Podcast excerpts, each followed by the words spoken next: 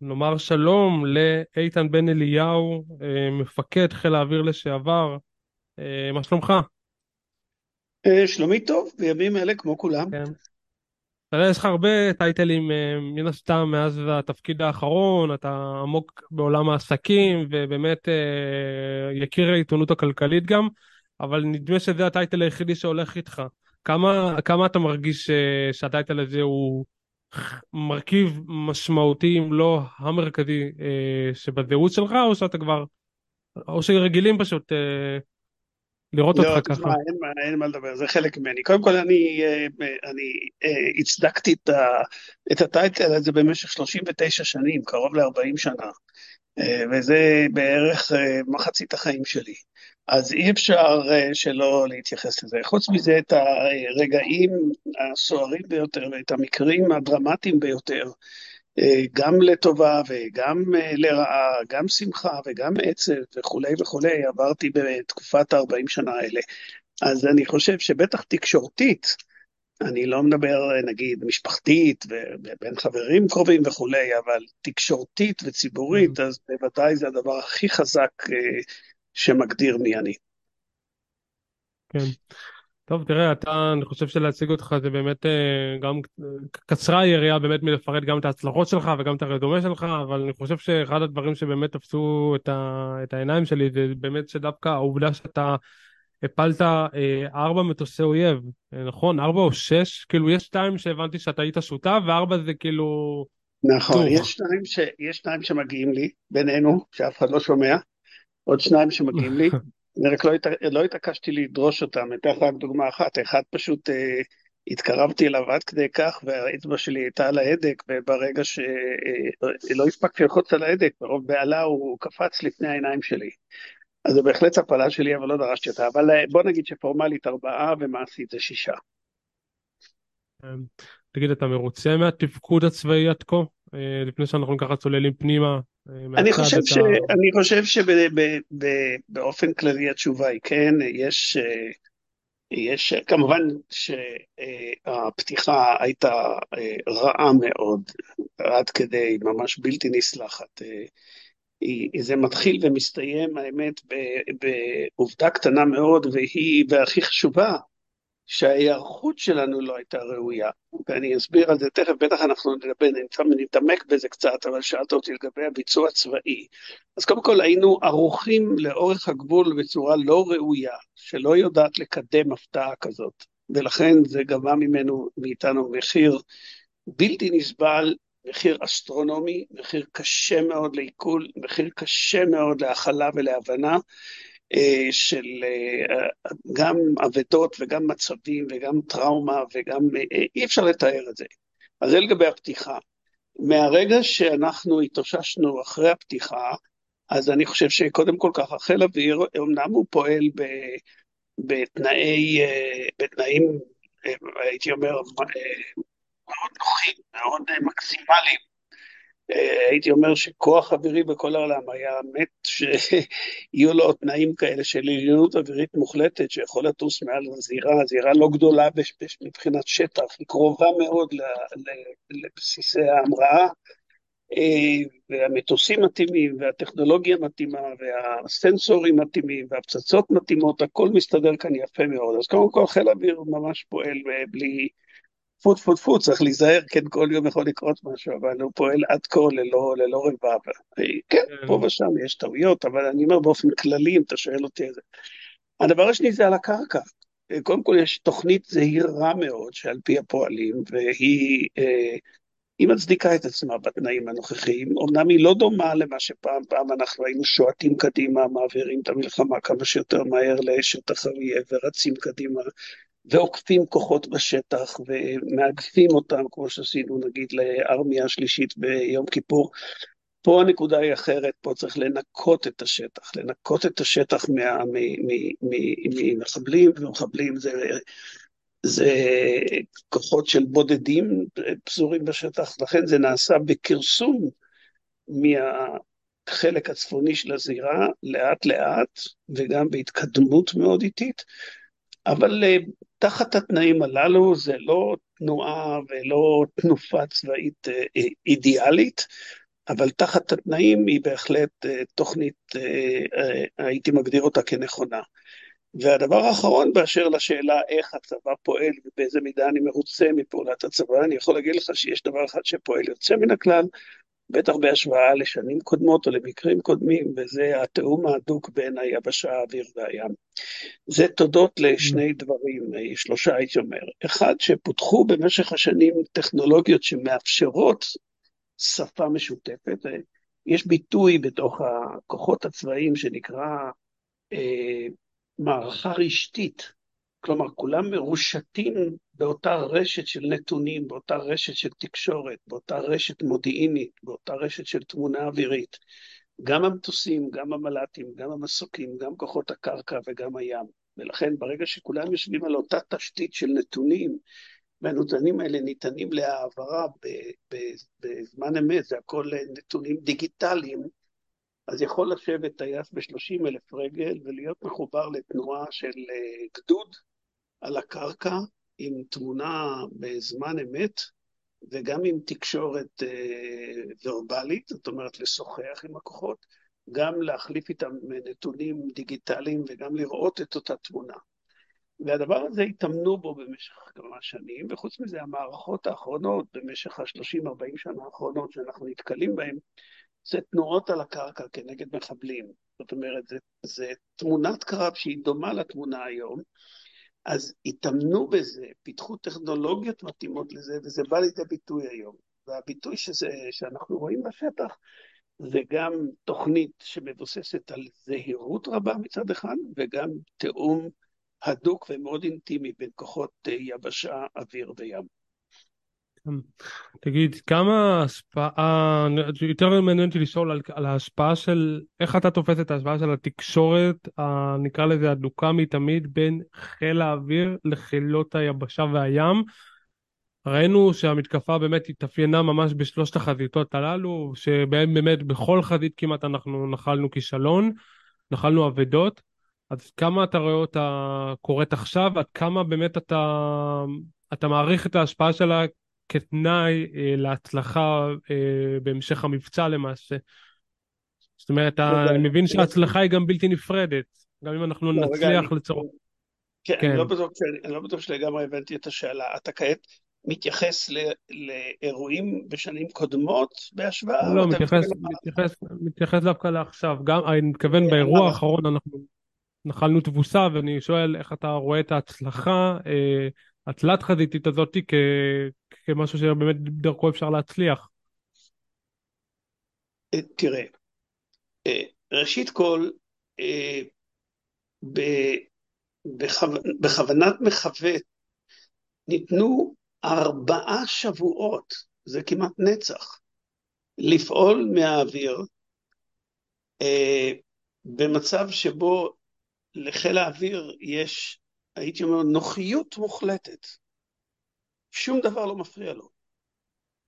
ולכן, אה, אם עכשיו גם המערכת יודעת לייצר את המטרות במהירות ולהעביר אותן למי שמטילים את החימוש, שזה אותן פלטפורמות סוגיהם השונים, מל"טים, מסוקים אה, וגם מטוסי קרב, אז היה פה קצב השמדת מטרות מאוד מאוד מאוד מהיר.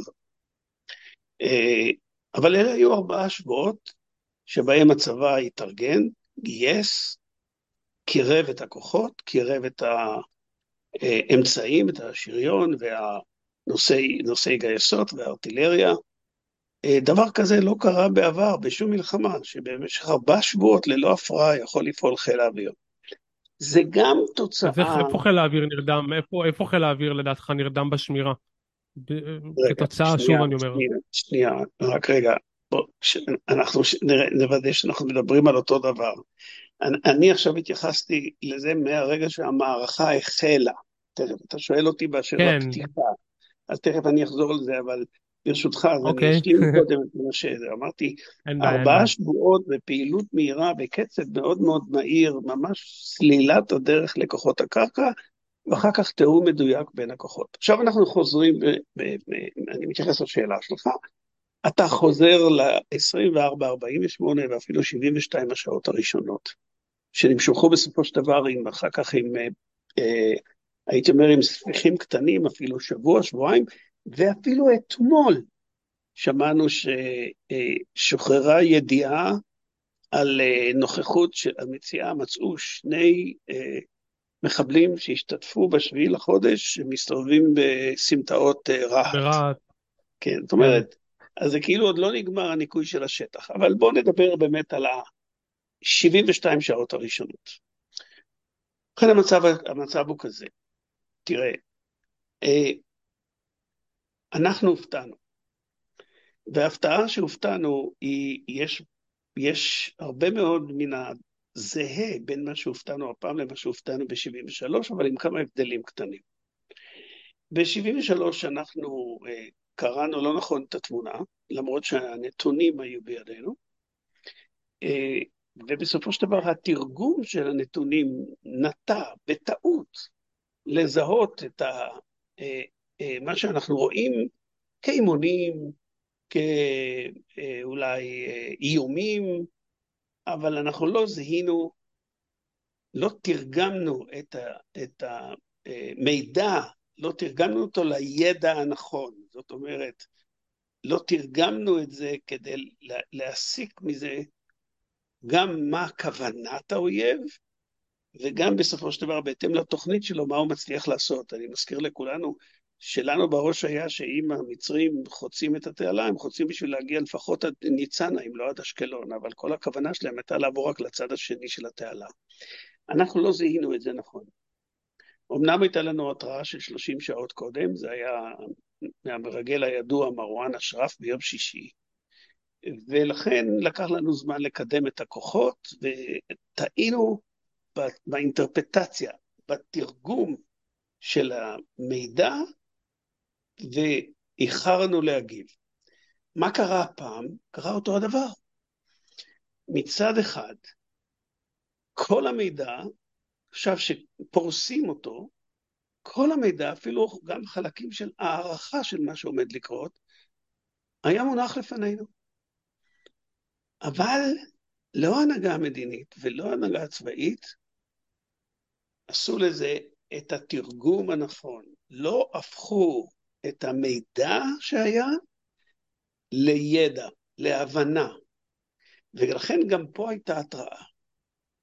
אבל מה היית עושה אם היום היית מפקד חיל האוויר בנקודת הזמן הזאת? סתם תיאורטית, אני ככה אוהב אה, לפעמים... אה, אז רגע. מה שנקרא, עושה איתך מסע. אז אני מבין, אז אני רוצה לומר לך ככה. אה, מה הייתי עושה בתנאים שנוצרו כן, אתה ש... מפקד חיל האוויר בשביעי לאוקטובר אחרי. אחרי, אחרי שאנחנו עומדים בפני ההפתעה הזאת, אני חושב שהיו מעט מאוד דרגות חופש לעשות כך או אחרת. זאת אומרת, אנחנו כבר נתפסנו עם המכנסיים למטה. התשובה, ולפי דעתי זה גם הלקח הכי חשוב, לא צריך בשביל זה שום ועדות חקירה ושום דבר, התשובה היא נעוצה לא בתגובה, שיש שם כמה דברים לתקן, תכף נדבר עליהם, לא חושב שהייתי עושה משהו שונה, או שהיה לי את, ה, את דרגות החופש, היו לי את האפשרויות לעשות משהו שונה ממה שחיל האוויר או מפקד חיל האוויר עשה, אלא ההיערכות שלנו לא הייתה נכונה. ותשים לב, אני מחזיר אותך למה שאמרתי, בשני המקרים המידע היה, אבל תרגמנו אותו לא נכון כשזה בא למוחות של ההנהגה. מה אני אלמד מזה?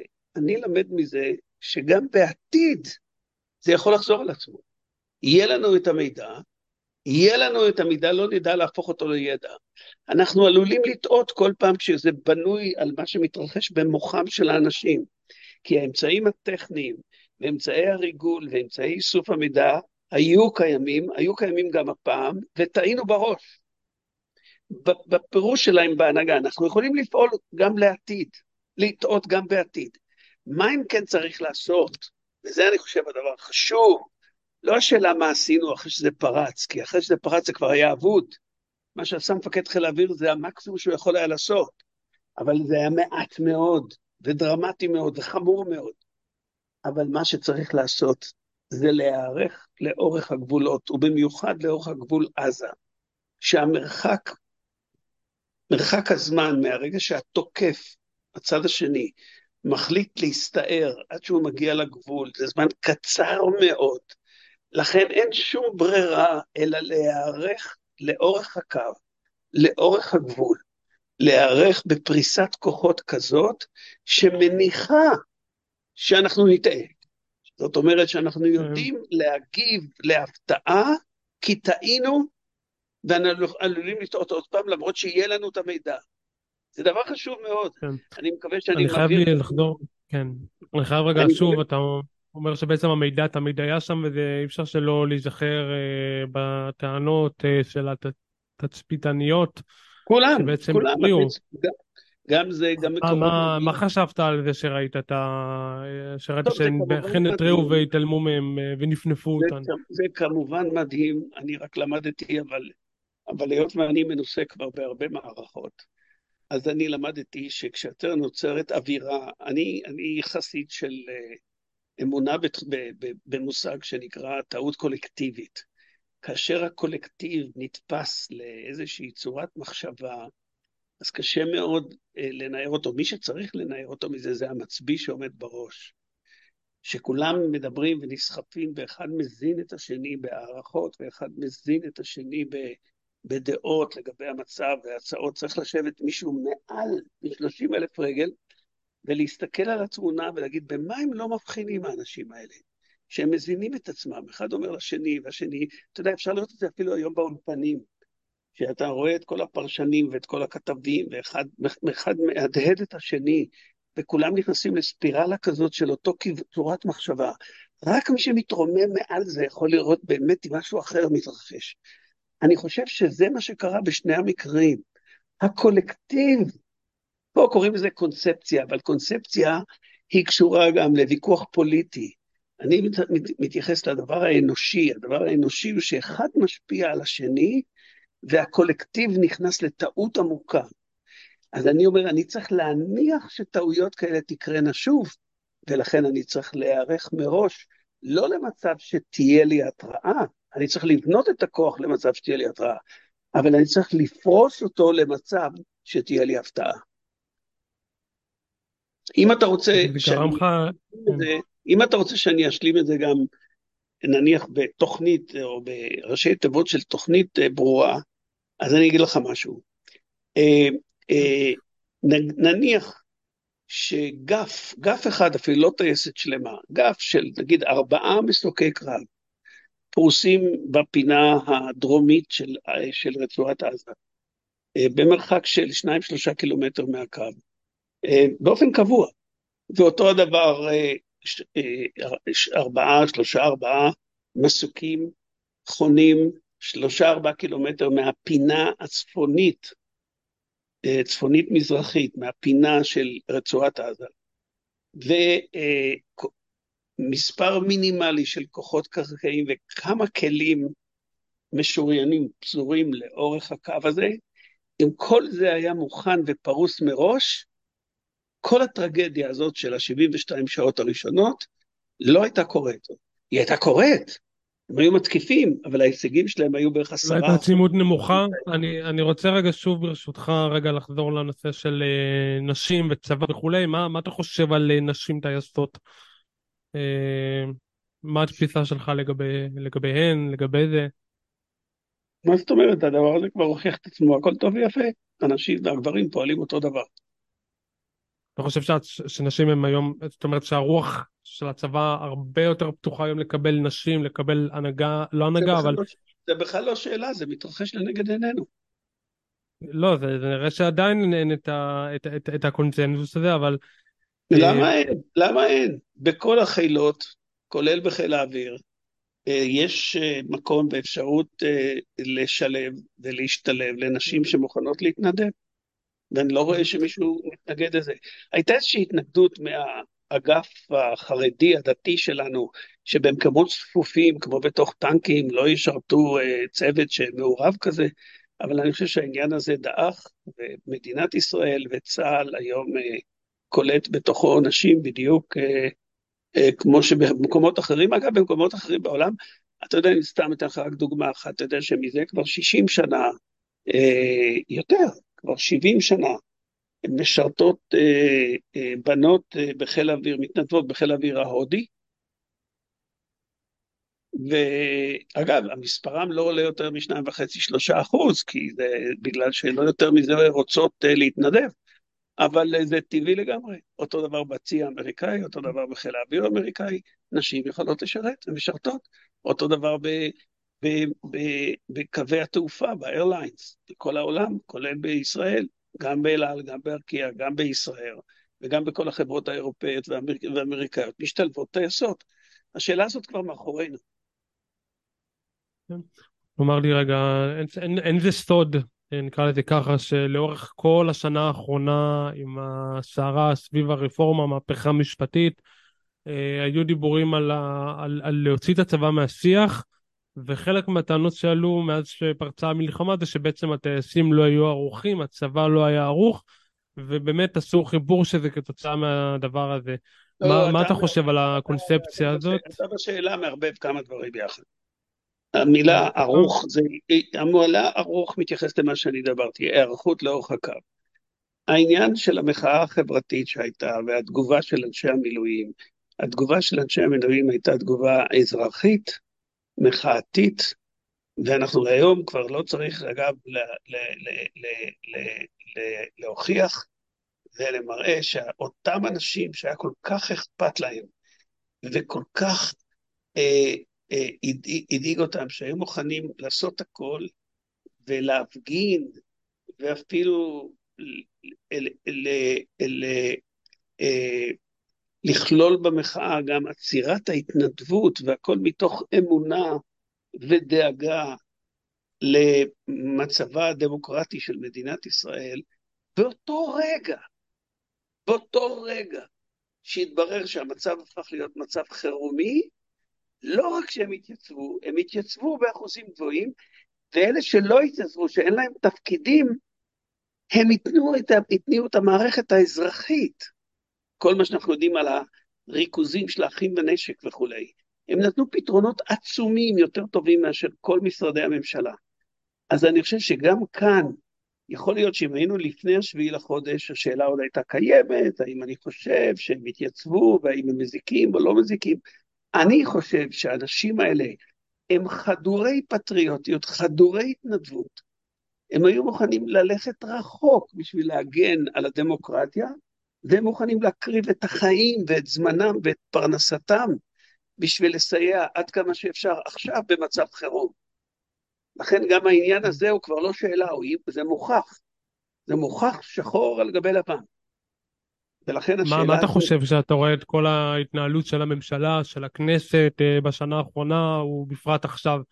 אנחנו מדברים uh, כמה ימים אחרי כל הסערה שהייתה סביב חוק עונש מוות למחבלים, אני יודע שזה פחות האזורים שלך, אבל בכל זאת מעניינת אותי פה לשמוע את הדעה שלך. אני כאזרח במדינת ישראל, כל האזורים הם... זאת אומרת, הם נוגעים לי. אוקיי, אז לא, אבל, אבל מה, מה אתה חושב על ההתנהלות של הממשלה בכנסת? אני חושב שזה נדעס כבר בצורה אינסופית. העובדה שמשרדי הממשלה, זה אולי הלקח השני, אמרתי, יש שני לקחים גדולים למלחמה הזאת. אחד, להיערך נכון על בסיס שאנחנו כנראה גם בעתיד נעמוד בפני אפשרויות שתהיה הפתעה, והדבר השני, היות והמלחמות, המלחמה הזאת והמלחמות הבאות, הן תהיינה תמיד, יכללו את העורף, לכן כל משרדי הממשלה, כל האדמיניסטרציה של מדינת ישראל צריכה להיות ערוכה ומוכנה ומתורגלת ומצוידת בכל מה שצריך כדי לפעול אה, במצב שהעורף נמצא תחת איום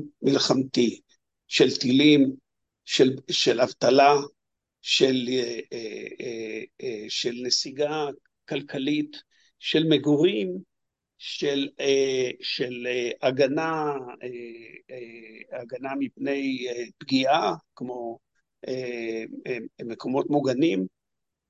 יש פה המון מה לעשות לכל משרדי הממשלה, והם היו מוכנים הפעם אפס.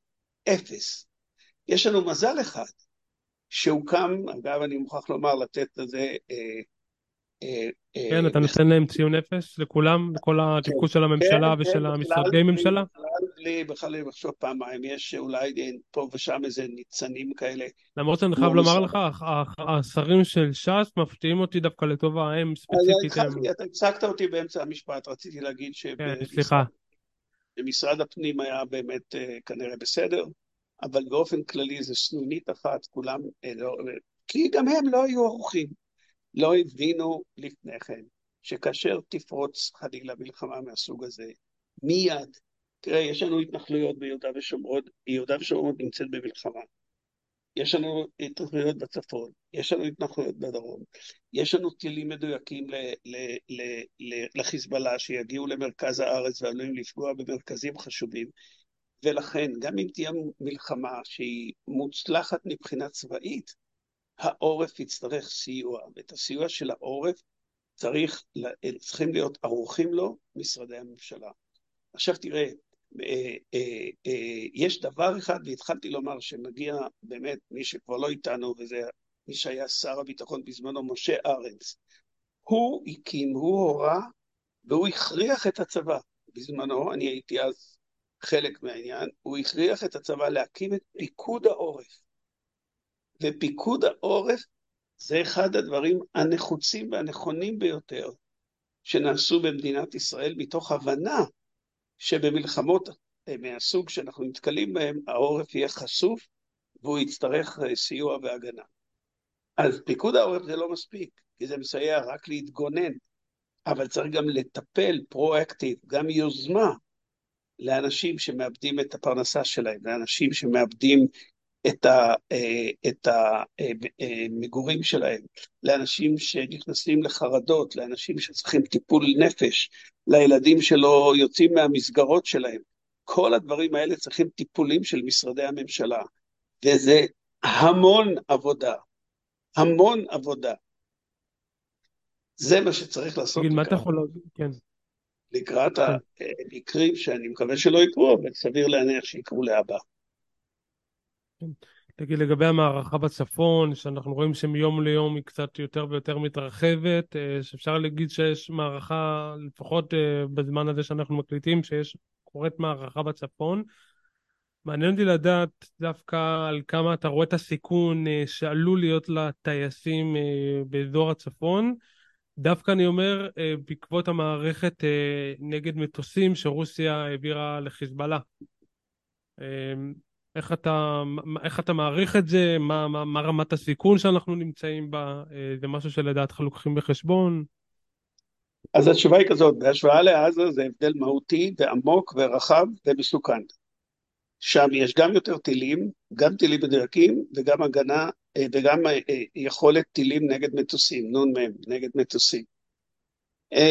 ולכן הפעולה של חיל האוויר תצטרך להיות הרבה יותר זהירה, הרבה יותר מדודה, ונצטרך להשתמש בכל הכלים שיש לנו, שהשתמשנו גם בעבר. גם פה, הם לא באו לידי ביטוי בעזה, אבל גם פה אנחנו הכנו מערכות אה, אלקטרוניות וטכנולוגיות אה, להתחמק מהסכנה הזאת, אבל הפעולה של חיל האוויר תהיה יותר איטית, יותר זהירה, יותר מדודה, אה, מאשר אנחנו פועלים אה, בעזה.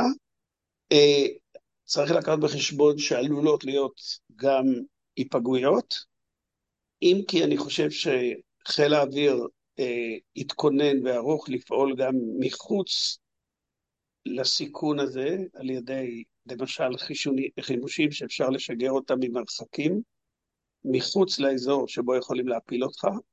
יש מערכות אה, כדי, אה, נגיד, לשבש את הנ"מ הזה, אבל זה צריך להיות, זה יהיה הרבה יותר קשה, הרבה יותר מסיבי, הרבה יותר אינטנסיבי, ולכן האפקטיביות מבחינת קצב פגיעה במטרות ב, בלבנון יהיה איטי יותר מאשר אנחנו פועלים בעזה.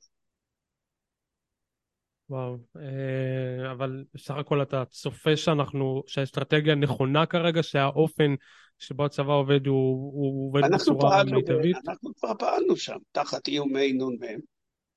כן, אבל עכשיו זה קצת נראה שזה הרבה יותר חמור מבעבר. אז גם יש לנו יותר אמצעים, וגם אנחנו יותר מנוסים, אז זה פחות או יותר אה, מתאזן. כן. ותאמר לי עוד משהו אה, לגבי כל התפיסה בכלל של צה"ל, ואפשר לדבר עליה רבות, על איך הצבא באמת, אה, מה, מה היה החלק שלו בכל האירוע הזה. איך אתה חושב שאפשר יהיה לשקם את, ה, את המשבר הזה שנוצר בין הצבא לבין, אה, לבין העם, לבין המדינה בכלל? אנחנו במידה רבה צריכים לעשות. אנחנו במידה רבה, כשהדבר הזה יסתיים, אני שואל ביטוי מעולם המחשבים, אנחנו נצטרך לעשות איתחול לכל המערכות במדינת ישראל. פשוט איתחול. צריך לעשות ריסטארט. הוא יבוא לידי ביטוי?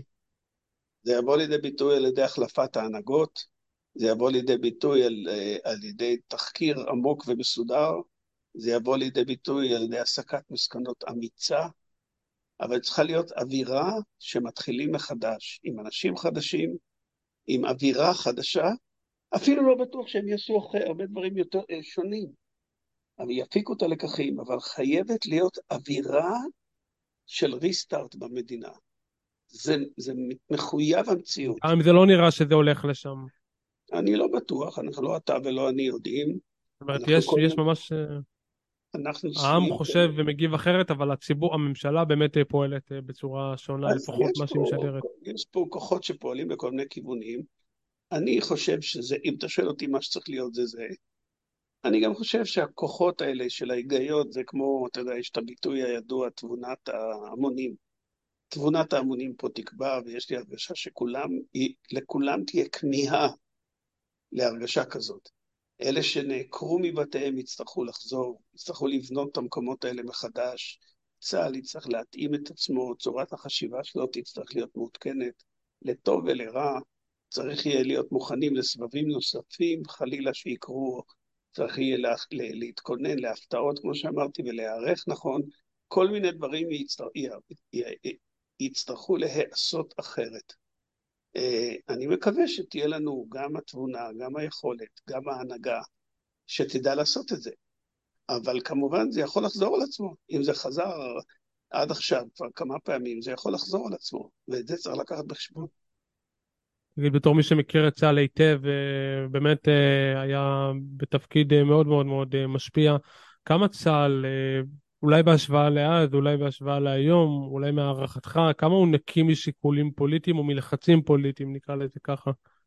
אה, צה"ל, שאני מכיר אותו, נקי לחלוטין משיקולים פוליטיים. יש, אה, יש כמובן, אלה שמשרתים בצה"ל, בייחוד אנשי הקבע, יש להם דעה, אה, אבל תמיד המטרה העיקרית של הביטחון והציות למפקדים גובר על הנטיות הפוליטיות שלהם. אה, מה שקרה לאחרונה, אה, שיותר ויותר אנחנו, בוא נאמר, אה, נשאבנו, צה"ל נשאב לתוך הוויכוח הפוליטי ועשה מאמצים רבים. כשהיינו בעיצומה של המהפכה, הייתה לי שיחה עם הרמטכ"ל, ואז אני זוכר שאני אמרתי לו, והוא באמת אה, גם אה, שמתי לב אחר כך שהוא די פעל ככה, אמרתי לו, יש למפקדים בצה"ל עבודה עצומה בתוך הצבא, אה, לפתור את הוויכוחים שעלולים להתעורר בצבא, את חילוקי הדעות שעלולים להתעורר בתוך הצבא.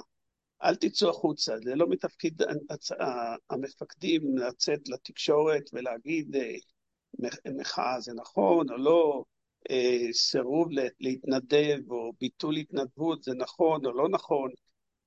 צריך לא להתעסק בשיח הזה כלפי חוץ, אלא רק כלפי פנים. אנחנו עברנו את זה, ולשמחתי גם עברנו את זה בצורה כזאת שכאשר צה"ל פתאום אה, נאלץ לעמוד במבחן בהפתעה הזאת שנקלענו אליה, אז הוא גם הוכיח שהוא יכול מיד להתאושש. אבל אה, התשובה היא, אה, התשובה היא שצריך לעשות מאמץ רב שהצבא לא יישאב לתוך הוויכוחים הפוליטיים. זה גבולי מאוד, וגם כי אנחנו מדינה קטנה, גם כי אנחנו צבא מילואים, 80 אחוז הם אנשי מילואים, וברגע שהמילואים מתגייסים, אז הם צריכים להקפיד, ברגע שהם לובשים מדים, הם מזניחים את הישות האזרחית שלהם. מצד שני, זה קשה לעשות את זה. מצד שלישי, יש יתרון בזה שהישראלי הממוצע הוא מאוד מעורב באופן עקרוני בפוליטיקה ובחיים הציבוריים. יש פה ערבוביה של כל מיני דברים, שצריך בעדינות רבה לפרק אותם וליצור מצב שגם אם יש מעורבות, אז המעורבות היא מתוחמת בתוך גבולות אה, סבירים, אחרת זה עלול למוטט לנו את כל המרקם, גם החברתי וגם הפוליטי וגם הדמוקרטי של מדינת ישראל. בכל זאת דיברנו על פוליטיקה, אבל אני רוצה דווקא לשאול על פוליטיקה של אה, מלחמה. כמה באמת יש שיקולים פוליטיים שיש, שהם סמויים מעיני הציבור, אבל עד כמה באמת יש את, ה, את, ה, את המערכת הזאת שהיא פועלת ומנווטת את המערכה, אה, שאנחנו לא יודעים, לצורך העניין, אנחנו מדברים על אה, לבנון, אנחנו יודעים שיש לנו איתם כל מיני הסכמים, הסכמי גז, תקן אותי אם אני טועה. בכל מיני איזה שהם, אה, אתה יודע, אה, דברים שהם אה, הכרחיים ואי אפשר, אתה יודע, שהם הם, הם די כובלים אותנו. שאלה שלי, כמה הפוליטיקה הזאת מנהלת את המלחמה? שוב אני מדבר על הפוליטיקה שהיא סמויה מעיני הציבור, כמו באמת בדוגמה שציינתי, למשל, בהסכם מול לבנון. כמה דברים כאלה יש שהם מנהלים אותנו בפועל, את השיקול? אני, סליחה שאני אומר, האמת היא שהשאלה שלך הייתה קצת מעורבבת, אבל אני אתייחס לשאלה, לשורה התחתונה. אז הנה, אתה פה בשביל לעשות סדר. לא, אוקיי. אני, אני אתייחס ברשותך לשאלה, לשורה התחתונה. תראה, אני לא יודע, אף אחד מאיתנו לא יכול לדעת מה נעשה ב, בתוך, ה, אה, בתוך הראשים של האנשים. אני אבל יודע דבר אחד. אני יודע דבר אחד שהוא לא כתוצאה ממחקר, אה, לא, לא, לא ממחקר, כתוצאה מחקירה או ברור מה קורה שם, או כתוצאה ממקורות מידע, אני יודע שאנשים שעומדים כעת בהנהגה, מראש הממשלה ומטה, הם לא יכולים, מבחינה אנושית, זו תכונה אנושית בסיסית, זה לא יכול להיות שהם לא מוטים בהחלטות שלהם. זה לא, פשוט לא יכול להיות מבחינה אנושית.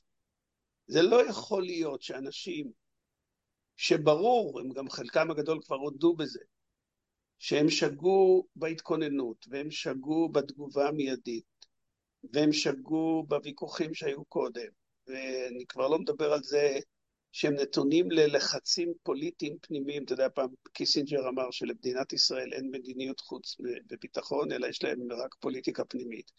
הם מושפעים מהפוליטיקה הפנימית, או ממה שנקרא base היום. אני חושב שלא יכול להיות מצב שבהם הראש שלהם נקי לחלוטין מהמוטות הזאת. ולכן אני חוזר למה שהצעתי קודם, וזה מה שצריך לעשות בעתיד, בהמשך. וזה לעשות איתחול מחדש של כל הנהגת המדינה. טוב, ותראה, אנחנו ממש קרובים לסיום. מבחינת ה... איך שאתה רואה את הדברים, אתה אופטימי סך הכל? אני אופטימי, שמר... אני, אני אופטימי מטבעי, אבל לפי ד... ולכן אני חושב שבסוף... בואו נעשה את זה אחרת. אני חושב שאנחנו נמצאים עכשיו במשבר. המשבר כן. הזה יחלוף, זה עניין של זמן, כמו, זה תכונה של כל משבר, הוא מגיע לשיא ואחר כך הוא דועך והוא עובר. אבל יישארו לזה הרבה מאוד ספיחים, והמצב שיצר את המשבר הזה, ובו גם הקונפליקט החברתי שלנו, ובעיקר הקונפליקט שלנו מול הפלסטינים שחיים יחד איתנו בתוך הגבולות שבין הירדן לבין הים, ומספרם זהה כמעט לחלוטין למספר שלנו, הבעיות הבסיסות האלה תישארנה. המשבר יחלוף. הבעיות הבסיסיות תלווינה אותנו גם בהמשך. כן. ואתה חושב שצה"ל הוא ערוך חלילה מפני תרחיש כזה בעתיד? אני יודע שצה"ל עוד לא ערוך, אני יודע ש... אבל צה"ל, אה, אני יודע את זה מחיל אוויר, והיום זה צה"ל, נכון, נכון לגבי צה"ל כולו, אני יודע שצה"ל יודע לתחקר ולהפיק לקחים. לגבי צה"ל אני פחות מודאג. אמרתי לך מה אני מודאג. אני מודאג מטעויות של הערכה שתהיינה, למרות שהמידע יהיה. מהעיבוד הלא נכון של המידע. כן, כן, נכון.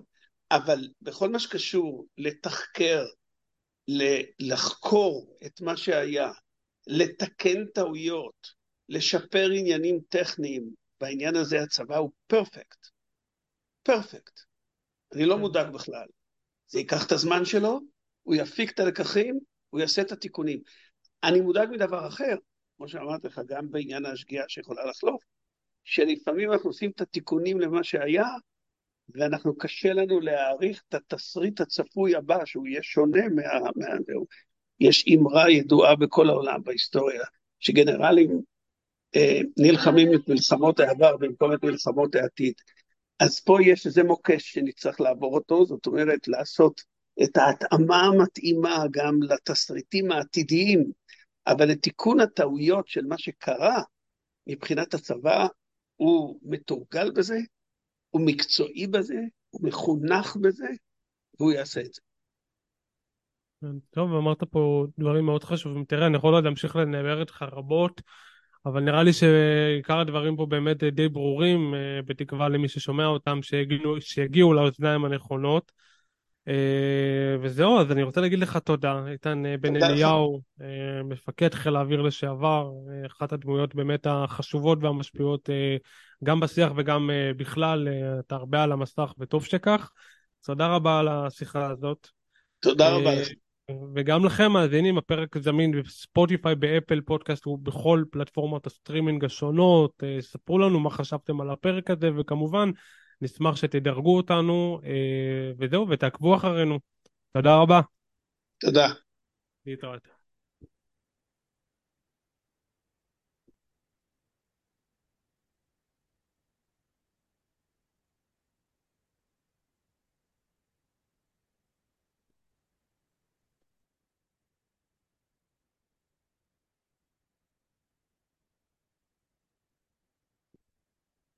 Mm-hmm.